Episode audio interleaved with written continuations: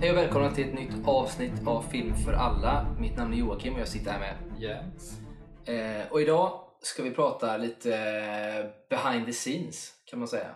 Eh, Ja. Det har ju kommit en, en eh, vad ska man kalla det, en, en dokumentärserie s- på, eh, vi är inte sponsrade på något sätt, men på Disney+. Plus Ja eh, som handlar om eh, ILMs egentligen grundande och uppbyggande kan man säga. Eh, till viss del i alla fall. Sen är det ju mycket annat med det också såklart och mycket fokus på Star Wars eh, som de är med och gör då. Ja, ILM är ju Industrial Light and Magic. Ett, eh, eller, det är ju ett VFX-företag och ett special effects-företag. Liksom, eh, som, ja, hela dokumentären handlar ju om hur det kom till och vad för inverkan ILM har haft på industrin och vad för inverkan George Lucas har haft på industrin.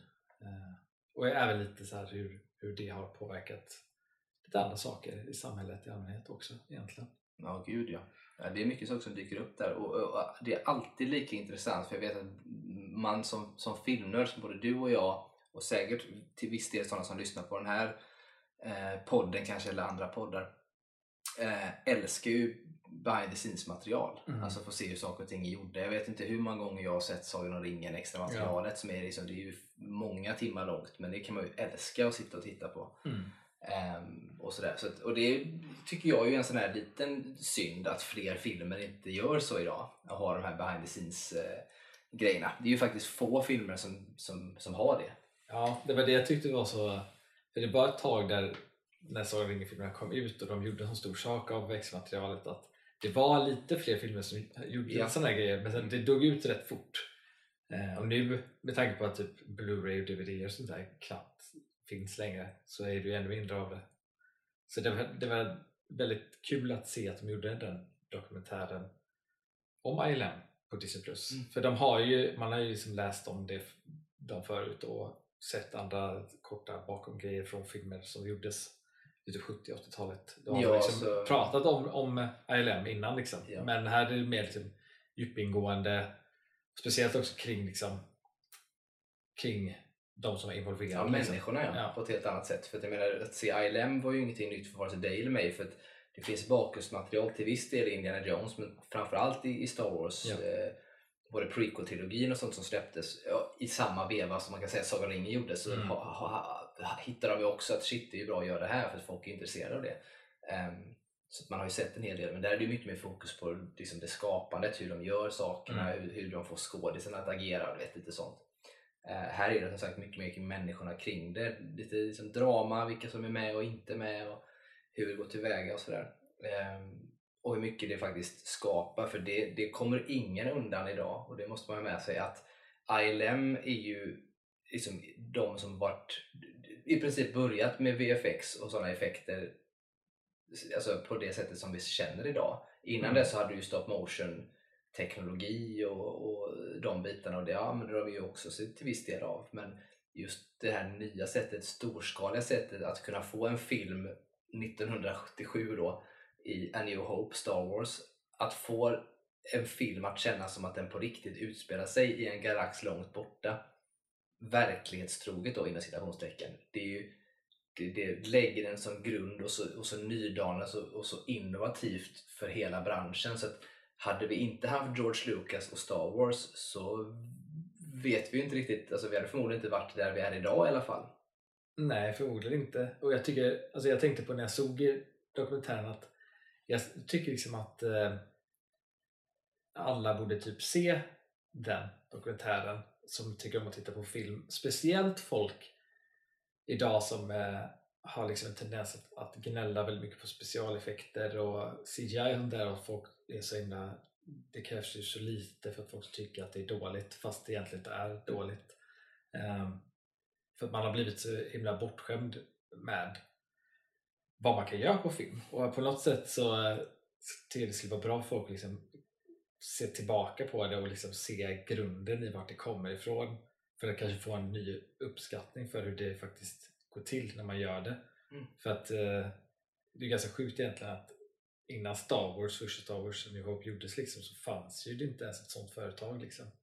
Liksom hela grejen, de tre första avsnitten är ju typ bara Star Wars för att då var ju ILM bara för Star Wars. Mm.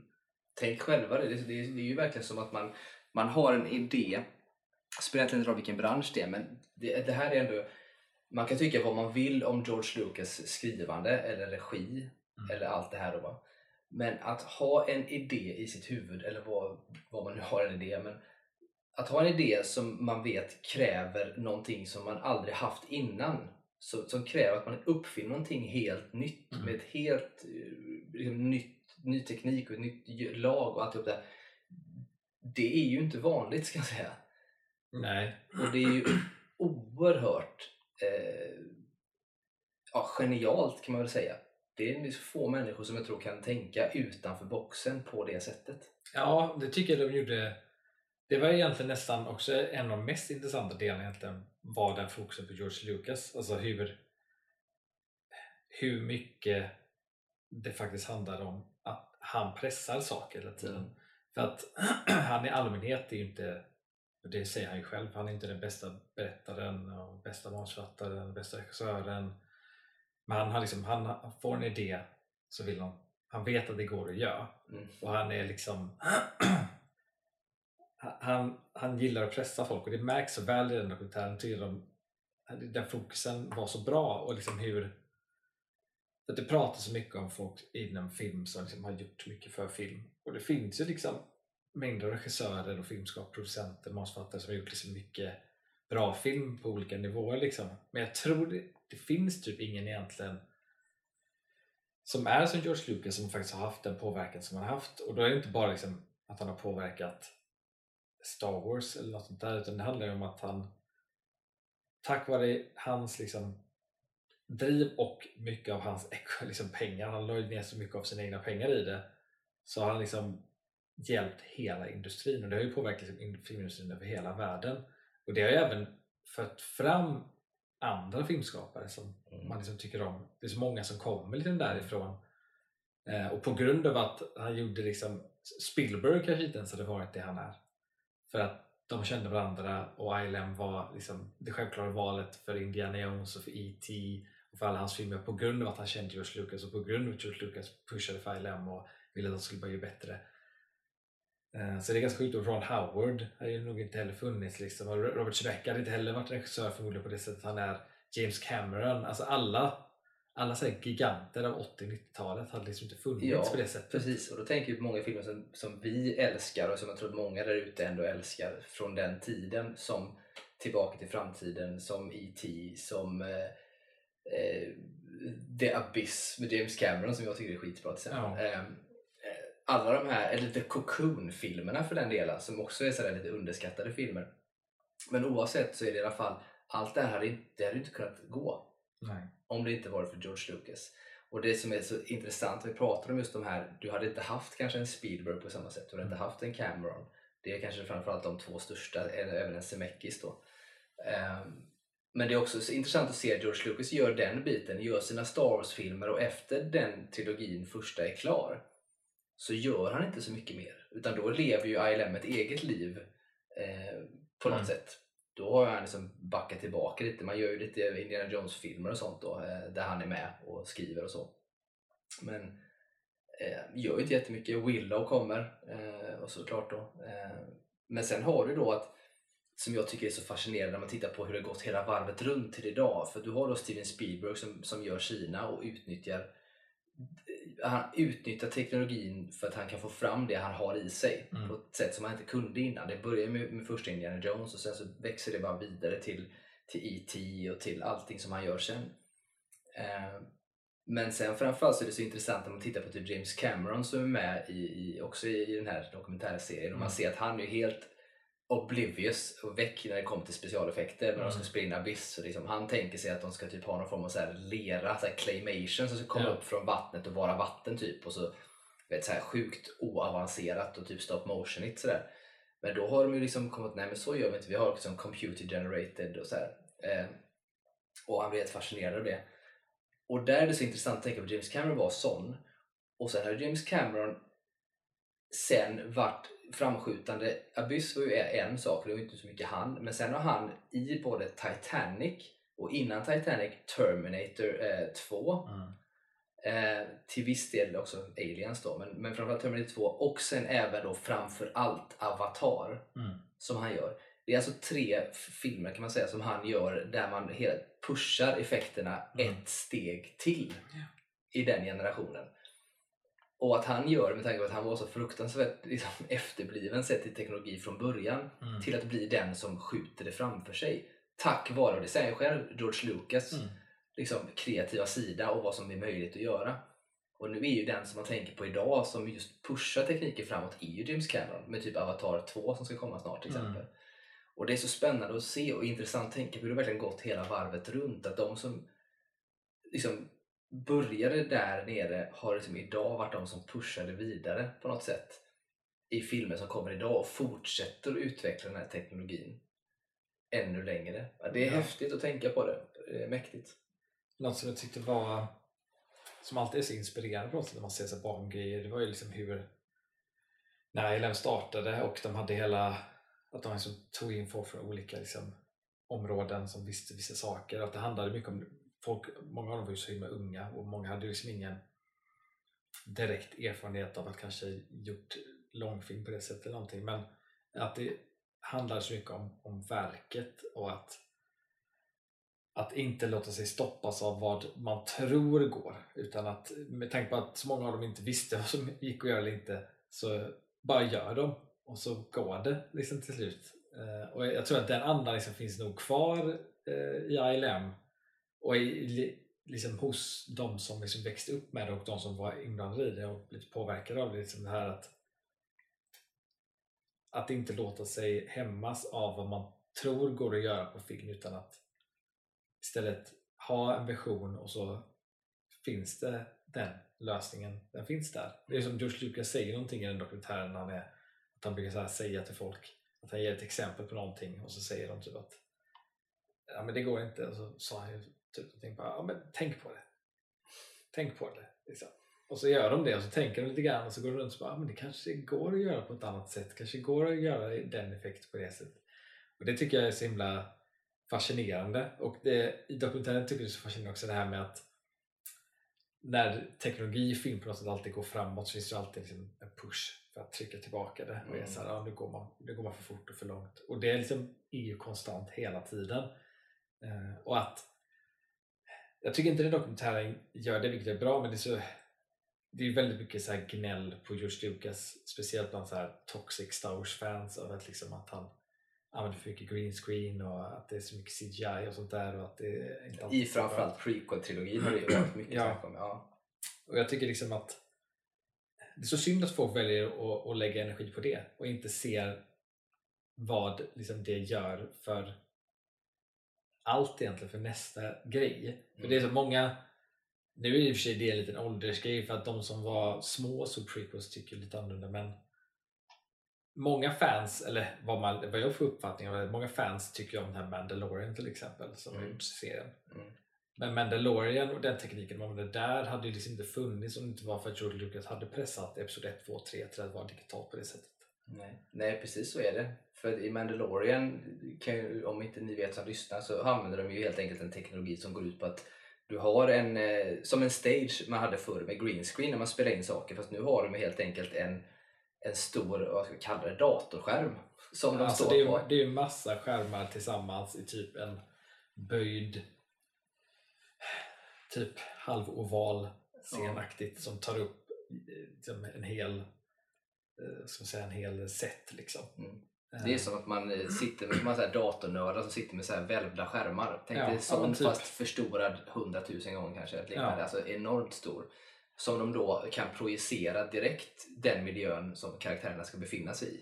Ja, så du får, när man spelar in så får man liksom allt in i kameran på en gång.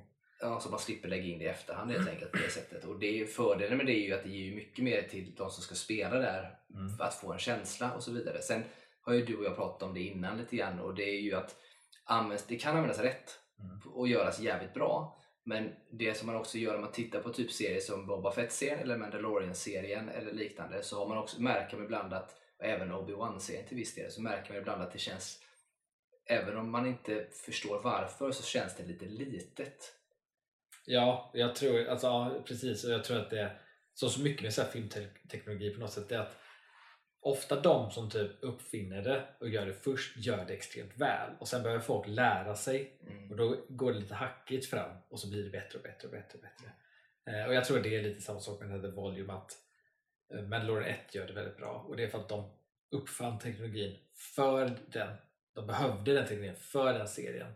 Så de som faktiskt gjorde det, de gjorde också serien. Sen har liksom folk kommit in i efterhand då. Mm. Vissa grejer funkar bättre, vissa funkar inte. Men det är så att man lär sig, alltså Ja. man lär sig och utvecklas hela Och, tiden. och får man till också, Mandalorian-serien görs ju så var man inte, jag ska inte säga att man inte hade visste om det helt, men man tänkte nog inte liksom, eh, storymässigt hela tiden på att man hade bara den här. Utan man försökte berätta en story. Sen så förstod man att, att det är klart, att använda den så mycket som möjligt är skitbra, vilket innebär att när man då gör Book of Boba Fett, det går fortare att göra det. Det går också liksom enklare, man kan göra det på ett sätt vilket gör att man skriver ner manus kanske på ett sätt som gör att det kan utspela sig så mycket som möjligt i det här, the volume som den kallas då. Ehm, Ja, men det är så, ja. Och- så är det det- alltid det- så med teknologi. Samma sak när 3D blev stort. Efter Avatar då, var liksom, då skulle allting bli 3D. Ja. Men varför? Allting behöver inte vara 3D. nej. Och då blev det så här, mycket var inte bra, men det var de som faktiskt fokuserade på och ville berätta någonting med 3D. De filmerna var ju väldigt väl eh, liksom, gjorda att se i 3D och gav något. Liksom. Så Mm. det är så. Folk behöver lära sig teknologin. Eh, och det tycker jag är intressant med Robert Zemeckis där som är inblandad i hela ILM och eh, kommer in i som regissör och allt det där. För att han har ju också alltid varit sån som pushar, pushar teknologi, speciellt liksom CGI. Och det är väldigt många som ja, tackar ner på hans filmer och de är inte alltid de bästa han har gjort. Han har ju lagt extremt mycket tid på just CGI de senaste åren. Ehm, men det är liksom det, är så det han gör med det, det liksom hjälper nästa nästa liksom grupp av filmskapare som vill göra någonting. Mm. Ja, men så får man så och det är det jag tycker är så bra med den här serien. Ja, så måste man ju tänka och, och man kan ju göra det på ett bra sätt. Jag menar, dels har du ju Back to the Future med Robert Zemeckis, sen har du ju eh, Forrest Gump som, som, som också använder så sjukt mycket CGI som man kanske inte tänker på. Jättemycket CGI. Nej, men som, som man inte tänker Ja. på. Alltså, dels är det ju självklart då när man liksom har photoshopat eller man säger, in Tom Hanks och skaka hand med, med presidenten Kennedy och sådana saker. Det fattar man kan vara CGI. Men det är så mycket saker där i som man inte Mm. tänker CGI och det hade inte gått. Och där är ju ett ypperligt exempel på att man använder det på rätt sätt. Ja. Och just att använda typ en sån sak som The Volume, det kan man också återvända till. Och det här hör ju inte ihop med det här egentligen, men, men The Batman, som, den nya Batman-filmen som kom, fick ju jag ju reda på för ganska, det är inte så länge sedan då när jag läste lite mer om den efter jag sett den, att eh, i scener där när de står uppe på ett hus, det är säkert fler scener, men när de står uppe på ett hus och hans, Batman står och pratar med, med Catwoman så är det som en stor vy över Gotham och sådana här bitar. Då, va? Och då tänkte man att ja, men det är ju skitsnyggt och skitbra gjort. Så här. I efterhand fick jag veta att de använde sig av typ The Volume, alltså Ja, alltså, nej, på det sättet. ja, när jag såg filmen så tänkte, tänkte jag inte på det överhuvudtaget. Nej. Och det är liksom väl använt och där är liksom perfekt exempel på när The Volume är perfekt att ha också. För Mm. att i den scenen så har de vad som kallas på film eh, liksom behind the scenes, vad man kallar det när man spelar in det, the golden hour. Ja, det är när solen liksom ska snart gå ner eller snart gå upp. Liksom. Det Bästa fototiden. Golden och Blue Hour om man gillar det stuket. Men Golden Hour är mitt favorit, jag älskar det. Men det är ett helvete att spela in på förr för att du hade bara liksom, typ, kanske max två tagningar, sen var solen för högt upp eller för långt ner. Liksom. Ja. Men där är det, har du The Volume så kan du ha det. Precis. Och du kan ha, ha tiden på dig att faktiskt göra den här Precis. scenen så bra du vill. Ja, så exakt det är så. Och det, och det är precis det man, när jag såg det. Jag tänkte inte på det överhuvudtaget. För att det, det, det är nämligen så, det känns så pass stort i det. De har gjort Ja, det snyggt ja. på det sättet. Det, som då till exempel Book of Boba Fett och de gör som ibland känns lite instängt för att det känns på något sätt så småskaligt och i det för att de inte får till det. Här har de gjort det helt rätt istället. Man tänker inte på det. Jag blev förvånad när jag Mm. läste. Samtidigt som att det också kändes så självklart för att just att spela in så pass ändå många scener där uppe och så långa på det sättet. Det är klart att man använder det på det sättet. Jag tror också att, att det här Volume som ILM har liksom utvecklat fram, jag tror att eh, det är bättre på film, alltså storskaligt. Mm. Nu har vi sett det mest i TV och då ser man det också på en mindre skärm. Och det är liksom mycket som undermedvetet man nog inte tänker på när man tittar men allting när man ser på TV känns mindre. Så jag tror nog liksom att volym kan nog bli ännu mer effektivt om man ser det på liksom storskalig Ja, jag håller helt med dig. Samtidigt så, så tänker jag också att det är som sagt när man gör och det är lite grann som man kan prata effekter överhuvudtaget för att det kommer bli en lång harang nu för att hålla ihop det här så att jag lyckas hålla ihop tankarna. Men det är ju lite grann så här att om ILM till exempel inte hade gjort de här specialeffekterna från början så har ju vi teoretiserat lite grann innan att man pratar om typ stop motion teknologin som samtidigt utvecklades ganska mycket under den här tiden och framförallt var på ett jättestort liksom, genomslag och bli riktigt, riktigt, riktigt bra till Jurassic Park första i princip. Alltså där man hade verkligen på gång att göra stop motion så fruktansvärt bra.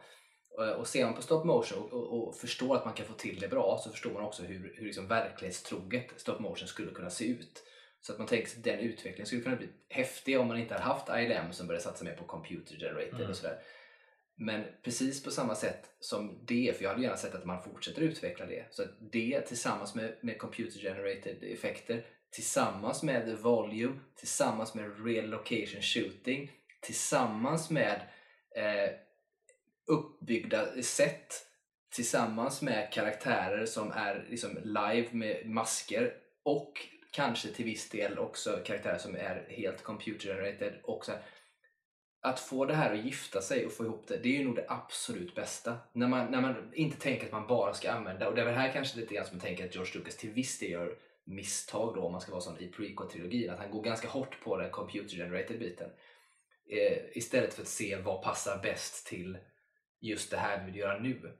Mm. Och där tänker jag mig att, att jag fortfarande lite grann väntar på att få se en film som kan fullända liksom alltihop på en gång och få det att bli riktigt jäkla bra på, alltihop tillsammans på något sätt. Det, det ser jag lite grann fram emot. Samtidigt är det ju kostnadsfråga såklart också.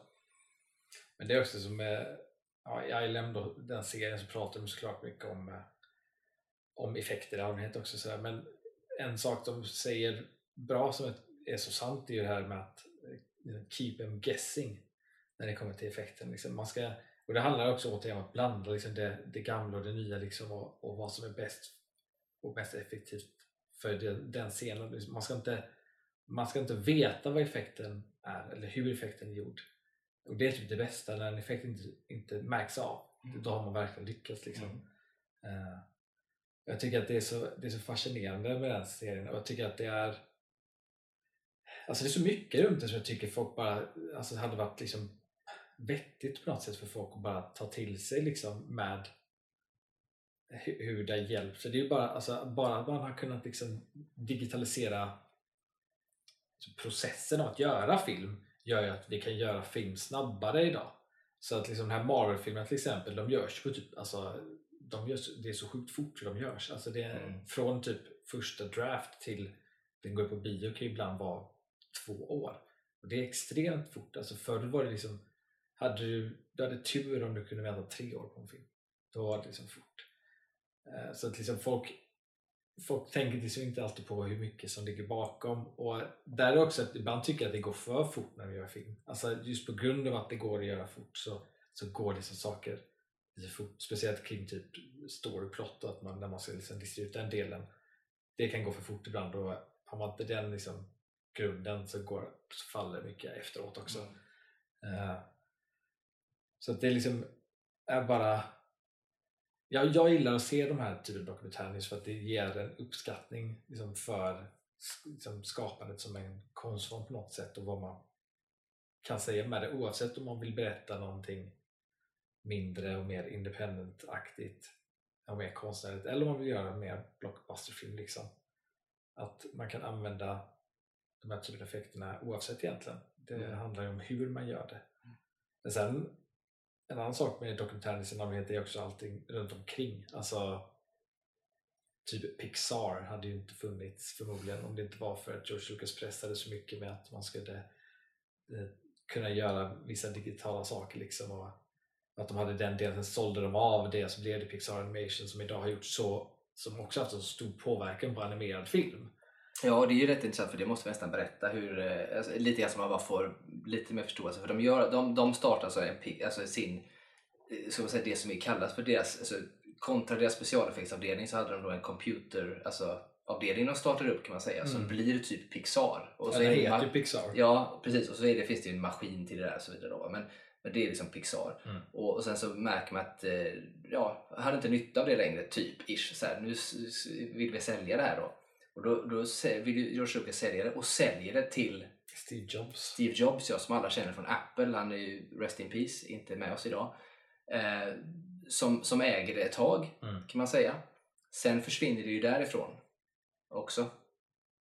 Eh, så småningom. Jag kommer inte ihåg exakt hur det går till. Ja, Jag vet inte. Eh, så. Men, men Pixar blir ju liksom Pixar där under tiden och gör ju då den där första filmen som vi kommer ihåg som med stora för är ju Toy Story.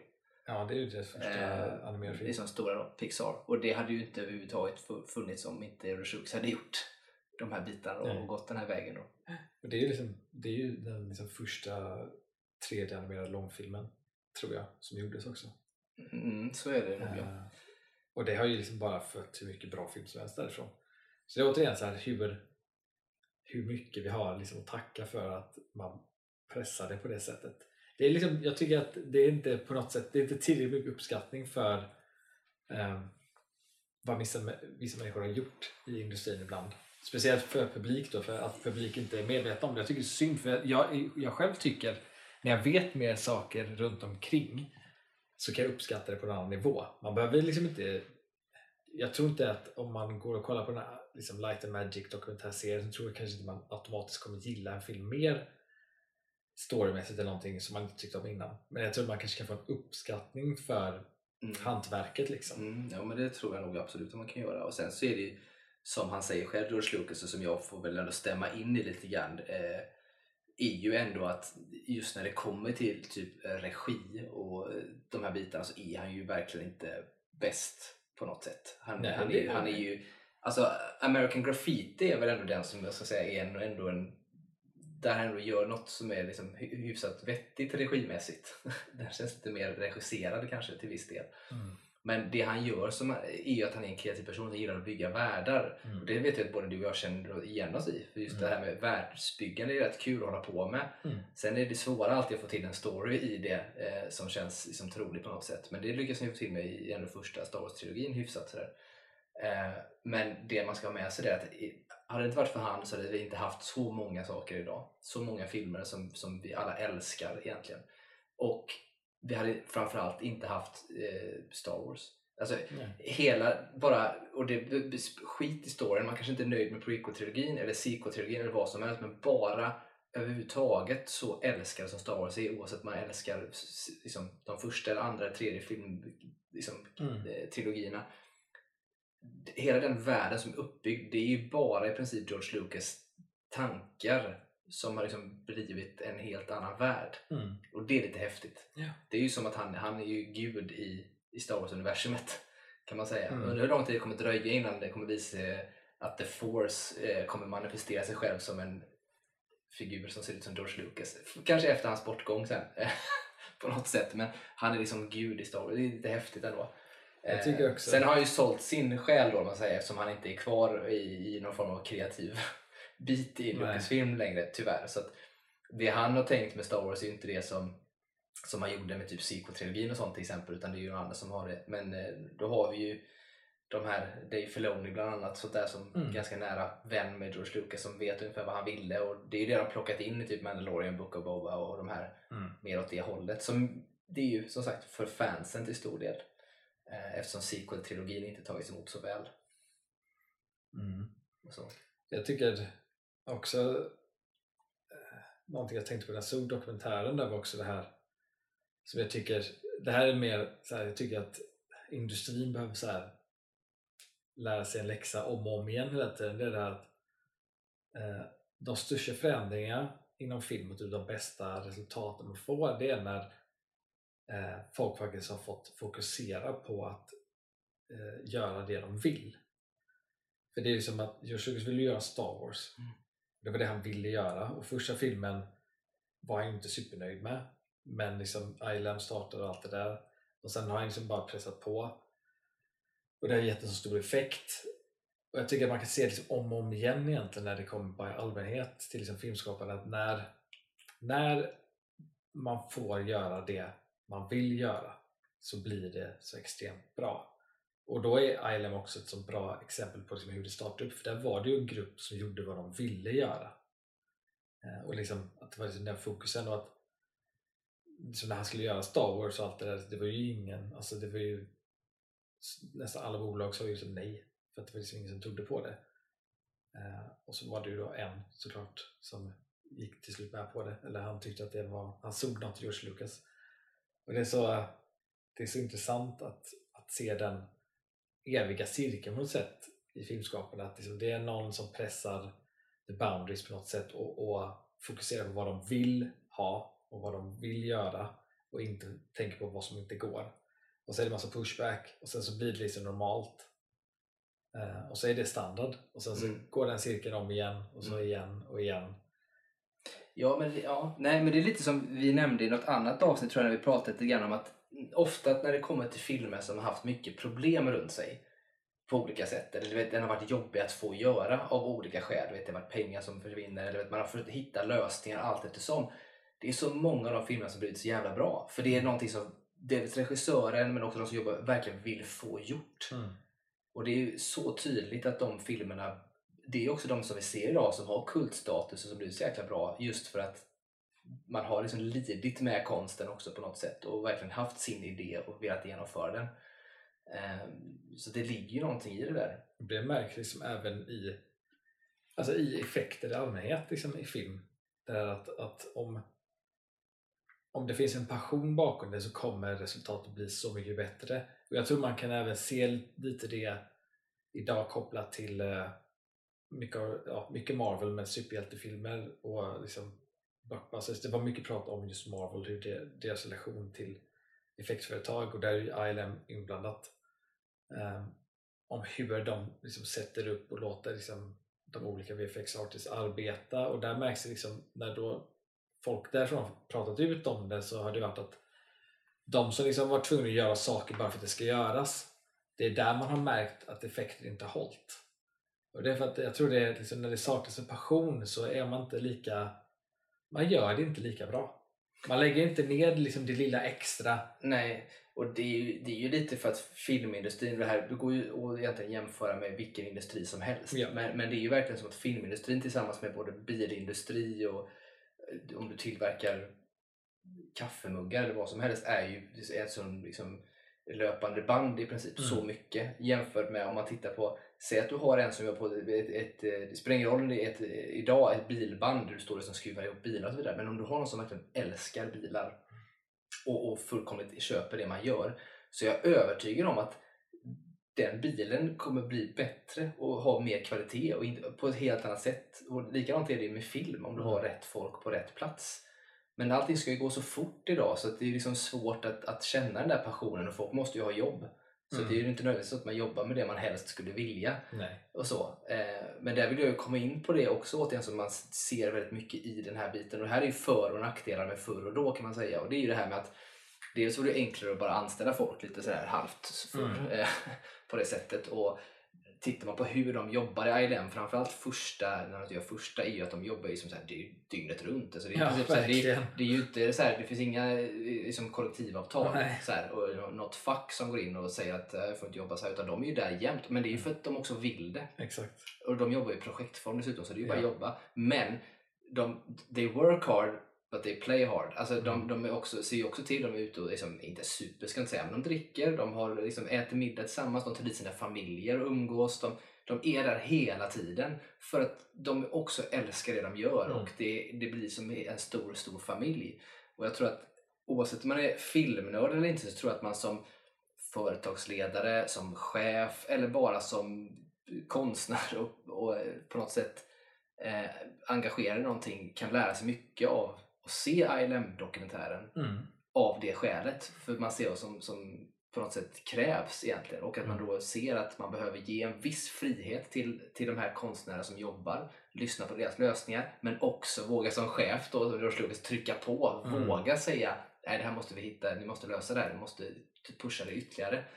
Ehm, och låta det ändå på något sätt bli det. Sen är det som sagt, man jobbar ju mot en deadline så att Ja. Eh, Det är ju tufft, men med, det sagt så är det ju verkligen det, det sättet de jobbar på och låta de här eh, riktiga som verkligen vill och, och kan med bitar få komma in och göra det tillsammans är ju, är ju skithäftigt. Och sen också sättet de, de för, tänker på vad det är för folk de vill ha där. Nu, Mm. Spoiler alert är ju att en person som är första, som är en av de ledande, Dijkstra, eh, heter han. han får ju inte följa med sen när de ska bygga upp eh, ILM. För att, och han var ju inte dålig, ingen säger att han är dålig egentligen. Nej. Men han passade liksom inte riktigt in i, i, i teamet och känslan de hade där. Så att han blev liksom inte tillfrågad att följa med. Vilket både George Lucas och han, de, idag när man intervjuar dem så har de inga grudge på något sätt. Utan de var ganska förstående Ja. av varandra att det blev så. Ehm, så, sen är det klart att det är lite bittert och många uttrycker ändå i dokumentären att det var lite konstigt att inte han fick Ja. frågan och sådär också. Men, men det är så viktigt att man har, har med sig rätt folk och det märker vi också. Men sen också det mest spännande är hur man rekryterar folk. Mm. För att det är ju som när de åker iväg, där, jag kommer inte ihåg vad kvinnan heter, som ska åka iväg till den här filmskolan i princip för att prata med, Mm. eh, med folk som ska kunna börja jobba på, på Lucas eh, film då, eller sådär, och ILM och sådär. Eh, och ha, ha flera intervjuer och då är det ju det här, just i den här delen så är det, tror jag det är han John Knoll som eh, Ja, man pratar om, som är en av grundarna till Adobe Ja. eh, Photoshop på det här sen, vilket är ascoolt tillsammans med sin brorsa, vilket vi inte heller hade haft idag kanske. Nej, det Eh, om det hade varit för det här, vilket är coolt. Men han åker dit och han har ju alltid gillat liksom, jobba med effekter, lite ingenjörsbitar och sånt där och Mm. vill jobba med film. Men hon kommer dit och intervjuar massor. Varenda intervju säger i princip att "Men jag vill bli regissör, jag vill Mm. regissera, bla bla så vidare. Men inte den här. Den här killen börjar prata om hur han har liksom gjort någon grej. Jag kommer inte ihåg vad det är han har gjort. Men han har någon sån här riktigt nördig grej. Men han byggde väl någon form av, eh, jag tror det var någon form av sån där, eh, eh, inte självstyrande, men eh, liksom en kam kamera som, eh, jag kommer inte ihåg vad det heter nu, men eh, alltså miniatyr av eh, liksom ett system där man kan replikera samma kamerarörelse tror jag. Ja, precis. Jag tror det var något sånt. Ja men det är något sånt för det är massa variabler och alltihop så han har liksom uppfunnit det här och, som han, och han går igång på den intervjun och nördar sig ner i det och berättar allt det då. Och då inser ju någonstans att men det här är nog en som skulle passa hos oss. Mm. Och det är ju som klockrent sätt att rekrytera folk på. Mm. Eh, det, är- det är ju så man skulle vilja göra egentligen. I, i branscher där jag till exempel inom skolans värld så, så åker man ju inte och headhuntar på det sättet utan där har man ansökningar som kommer in. Mm. Eh, Men det hade ju varit superintressant att faktiskt få komma ut på, det finns ju ibland, jag var ju själv när jag var student på den tiden delaktig i att försöka ta fram sådana här mässor där man kunde möta arbetsgivare och studenter.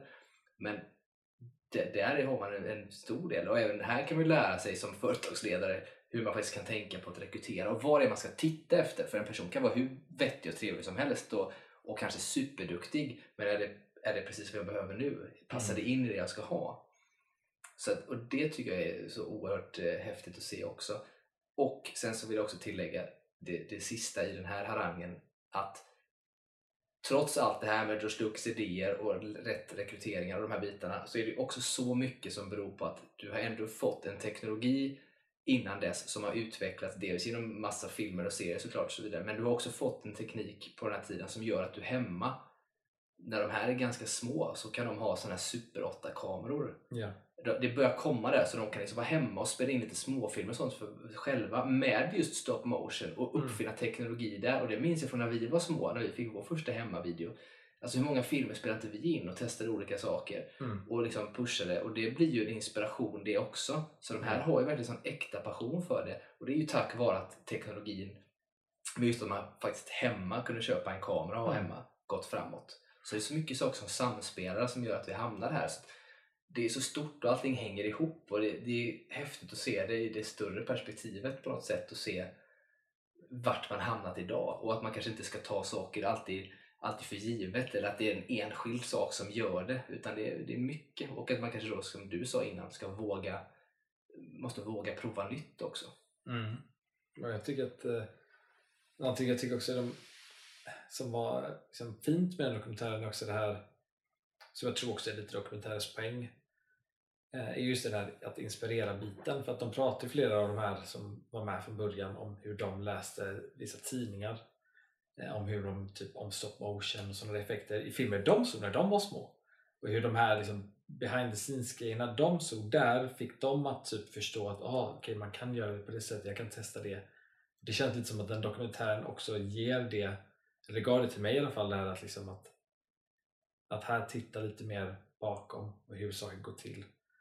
Eh, få förståelse för det och liksom se att, att man kan göra saker som man faktiskt också ser och att det, det kan inspirera på det sättet. Eh, sen tycker jag, jag skulle vilja se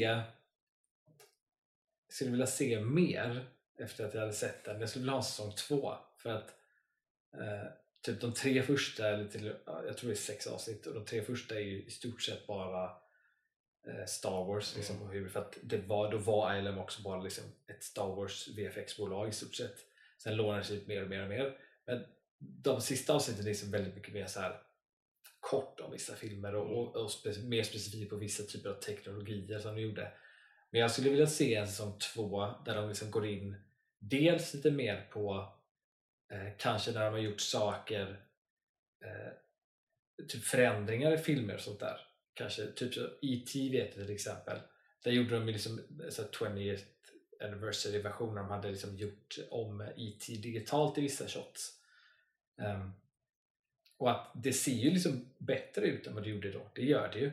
Men att det, liksom, det, det upprörde vissa människor som tyckte typ att ah, det här förstör din barndom för att det inte var samma sak som jag såg förr. Vilket jag kan tycka är lite väl mycket. Men jag tycker att det är väldigt fascinerande. Det är så kul att se hur de ser på det där med att pusha, pusha teknologi på det sättet och gå in och, och ändra saker i filmer som har gjorts liksom, och varför man skulle göra det. Och E.T. är i och för sig ganska intressant för där har de också gjort vissa saker där de faktiskt gått tillbaka och hittat original eh, shots av saker och bara kompat eh, bilder, typ när de cyklar eh, Mm. flygandes så har de bara kompat det så att om man tittar på det som finns på typ DVD och Blu-ray och så skulle man gå tillbaka och titta på den som släpptes på bio Mm. så är det sådana extrema skillnader att det liksom knappt går att titta på originalversionen. Alltså du kommer direkt lossna i den. Alltså då är det bara att titta på den av nostalgiskäl för att du såg när du var liten.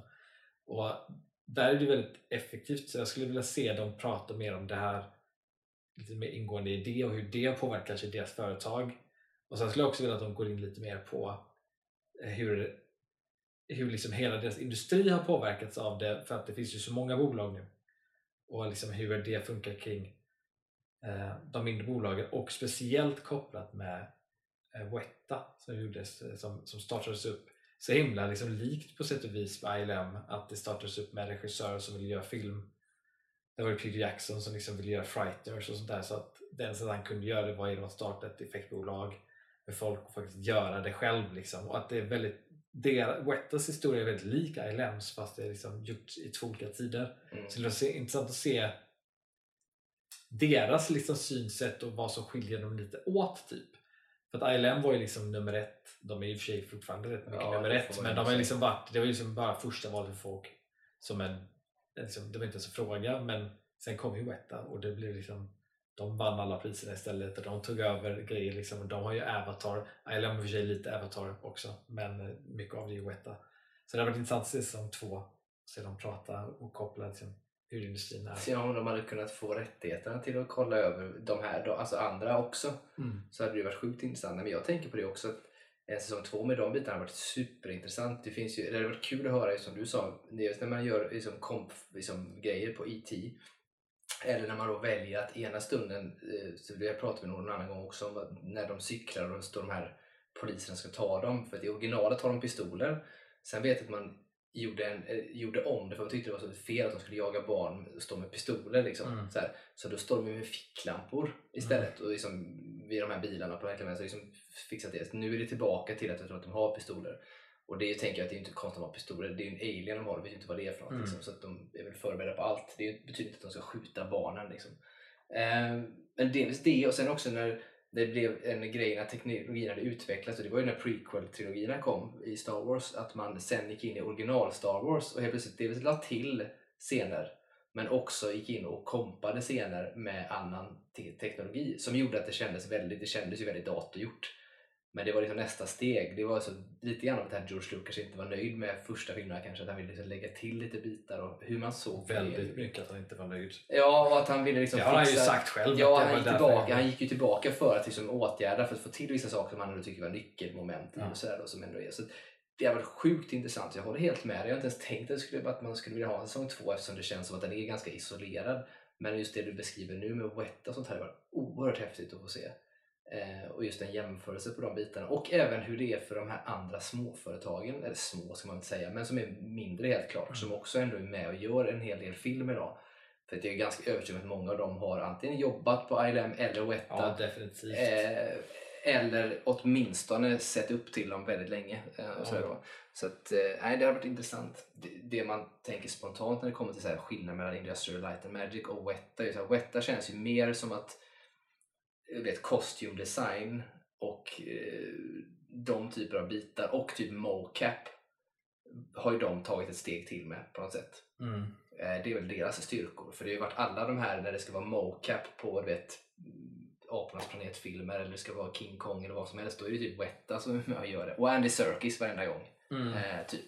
Så att eh, ja, det är väl det som man spontant tänker på. Men det finns ju säkert mycket mer. Alltså det är inte så enkelt heller. Så att, men, Nej, och sen något med, med tanke på att du nämnde det här med George Lucas och Star Wars, att han gick in och ändrade saker och kopplat till liksom hur effekter kan hjälpa att berätta filmer, speciellt för nya generationer. För att filmer åldras ju, så är det ju.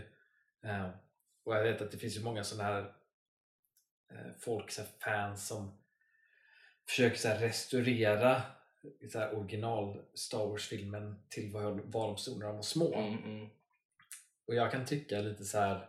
Jag kan tycka att det går lite för långt med det där för att eller jag kan tycka att folk kanske inte är riktigt ärliga. Vissa av dem gör det ju bara av ren nostalgi. Men sen att liksom folk gnäller på att effekter är lika med dåligt eh, när man går in och gör vissa ändringar och sånt där kan jag inte riktigt hålla med om för att jag har ändå gått tillbaka och sett original eh, så mycket man kan se original Star Wars-filmen och jämfört med vad som typ är på Blu-ray.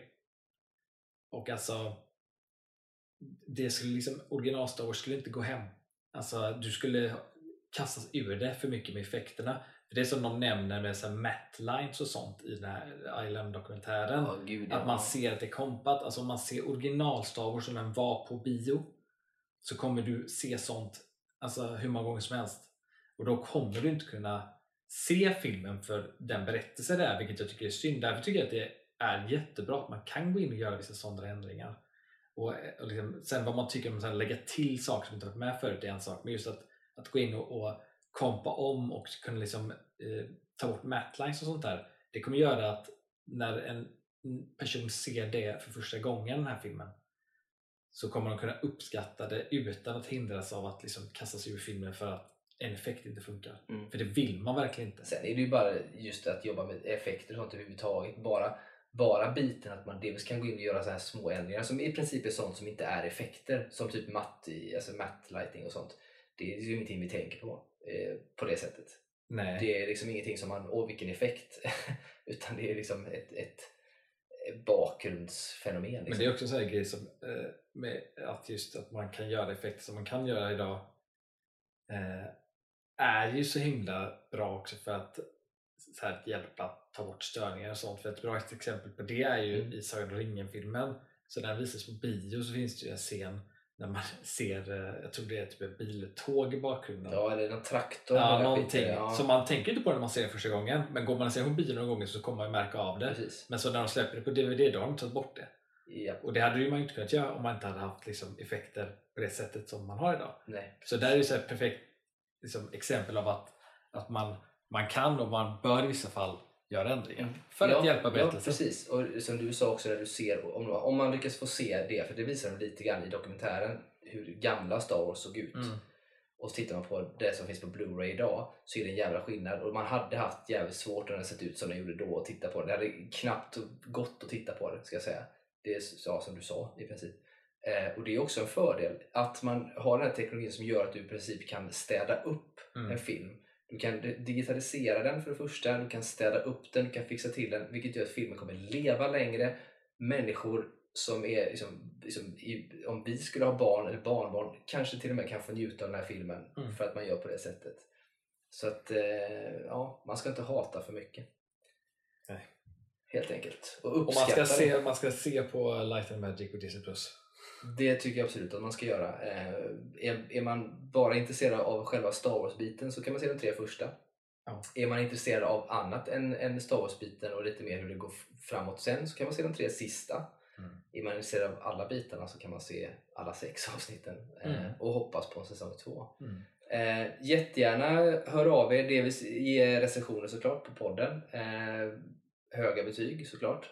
Eh, sen tänker jag också att ni får jättegärna ställa frågor antingen via eh, film för alla contact eh, At gmail.com. at gmail.com. Alltså film för alla contact, alltså inte kontakt som svenska utan contact som engelska. Film för alla contact i ett ord. Mm. Eller film for alla blir det ju. Mm. Eh, att, där kan ni höra av er och ställa frågor eller om det är någonting som ni själva känner att ni skulle vilja att vi pratar om i podden. Eh, liksom Mm. idéer, tankar. Jag har fått lite DMs på Instagram eh, på vad folk vill att vi ska prata om ibland och så vidare. Så att, eh, känn absolut inte främmande för att göra det. Eh, det är bara att skriva vad ni skulle tycka var intressant att vi lyfter.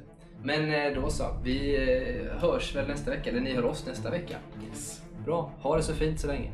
Ha det bra.